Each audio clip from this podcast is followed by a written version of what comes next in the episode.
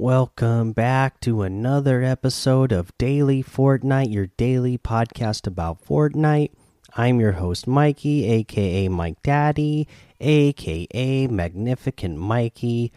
First thing I want to say here, because most people listen to the episodes the day after I record them, because I I record them at night. It seems like most people listen to them the next morning or some point during the next day. And right now it's a day uh, before Veterans Day. So I want to say a happy Veterans Day to all the veterans out there. You know, any veteran, uh, you know, who has served in the past or is currently serving. Thank you so much for your service. I have uh, quite a few family members who have served, so I know, uh, you know, how uh, hard it is on families, and you, you make a great sacrifice. Uh, so thank you for that. Uh, now let's go ahead and get into the news. And uh, for news today, uh, we'll say uh, for you Save the World players, I saw that the Candy Corn LMG is in the store now. That's what I saw uh, on Twitter. So, uh, you know, there you go. If if that's something you're interested in, that's something you can go get in there. Uh, you can. Uh, this is something I saw on the Fortnite Creative Twitter account. Now, they want you to vote on your favorite game mode. Now, you know, it's probably just, it probably will end up leading to nothing. But you never know. Maybe they'll use some of this data to maybe push more of these types of maps and, um, you know, retweet them more or give these creators more uh, recognition uh, through the, through through their Twitter page. They have Prop Hunt, Zone Wars, Adventure, and Death Run. Those are the different ones that you can vote on right now.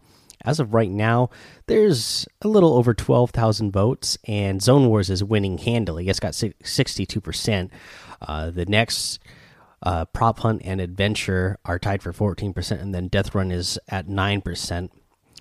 I myself voted for Zone Wars as well because I would love to see them, you know, bring the Zone Wars LTM back to the game. I would love to see them, you know, push more of the Zone Wars maps uh, by just giving those players recognition on the Twitter accounts. Just that way we could get the codes more easily and find them easier some for some really good maps uh, just so I can go play them and give them a try.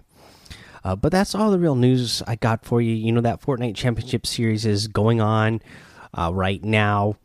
Uh, you know I haven't heard of any more additional issues that have been going on with that today. Uh, again, I, I was at work today, and I just you know I'm still just not following the Fortnite Championship Series as closely. Uh, you know, I, I, pick up a little bit here and there, but I don't go out of my way. You know, if Epic were to do their own broadcast again, I would probably still watch it every week just because then I can catch the highlights live um, from all the different matches while getting some great casting from the great casting team that they've had over there from, you know, MonsterDface, Dr. Lupo, Bala, Golden Boy, you know Zeke. You know I, I, love watching that team do their their shout casting. So I wish they were still doing that because then, uh, because I'm a person who would rather just report the news. I don't particularly root for one person, uh, so I don't want to just watch one person's stream. I kind of like having the aspect of being able to take a broader look and uh, see multiple people uh, in one presentation. But uh, that's just something I I like. I wish they would bring that back. So we'll see what they do in the future. But for now, it seems like they're just doing these uh, highlights uh, through their Twitter account. Uh, but that's all I got for news for you. So let's go ahead. Let's move on now to the challenge tip for today. I don't believe I mentioned this one, uh, but for this one, uh, you it, this is the challenge where you need to get 500 damage while riding A motorboat for me, I find this easiest if you just go into Team Rumble, get in a motorboat, and then you know drive yourself whether it's in water or if the circle's gonna end up being all on land. Drive that motorboat. Uh, you know, hopefully you can squad up with some friends and just mob that motorboat over to the circle in Team Rumble and start blasting away. You know, whether you're driving the boat and you're shooting the missile, or if you're one of the passengers and you're shooting from the back of it, you know, you, will have all match long. And if you get eliminated, you know, you get to respawn and you can just go back to that boat and hop on it and start shooting again.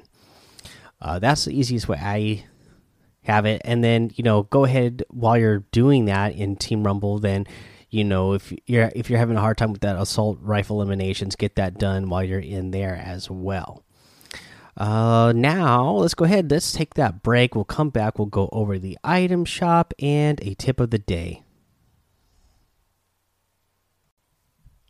All right let's go over this item shop and we have the deadeye outfit still in the item shop today. You get the spectral scythe harvesting tool and the Dead Wave Wrap. You have the Ruby outfit, which I'm a big fan of, the Stripe Slicer harvesting tool, and the Sky Stripe glider. We have the loved Doggo outfit, a beloved outfit, of course, the Chew Toy harvesting tool, and the Rough Wrap as well. You have the Shadow Ops outfit, one that I really like, one that also has selectable styles. The Clean Groove emote, the Scanline wrap, the Magic Weens glider, the Light Show outfit, which I'm a big fan of, the Deep Dab emote, and then in the store section, the Dark Fire bundle. Uh, the starter pack bundle. You can get all of these things using code Mike Daddy M M M I K E D A D D Y in the item shop. And I really appreciate it if you do because it helps support the show. Now, let's move on to our tip of the day.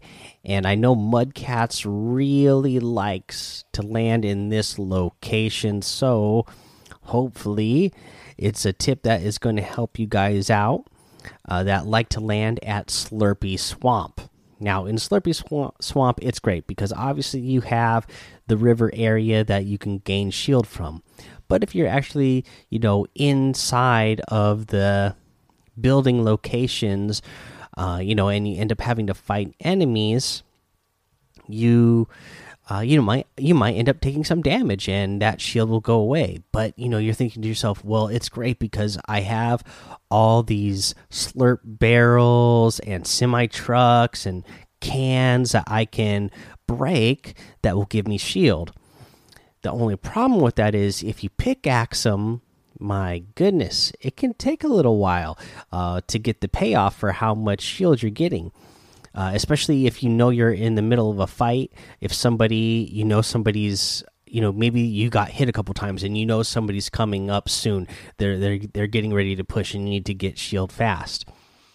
Um, you know, so you you got to break those barrels fast. And you can do this by placing a pyramid or placing a ramp. Those that will automatically break those uh, you know, it will break the those those barrels, the kegs of slurp juice. It'll break the the semi truck uh, that has the slurp juice in it. That'll it'll break that instantly.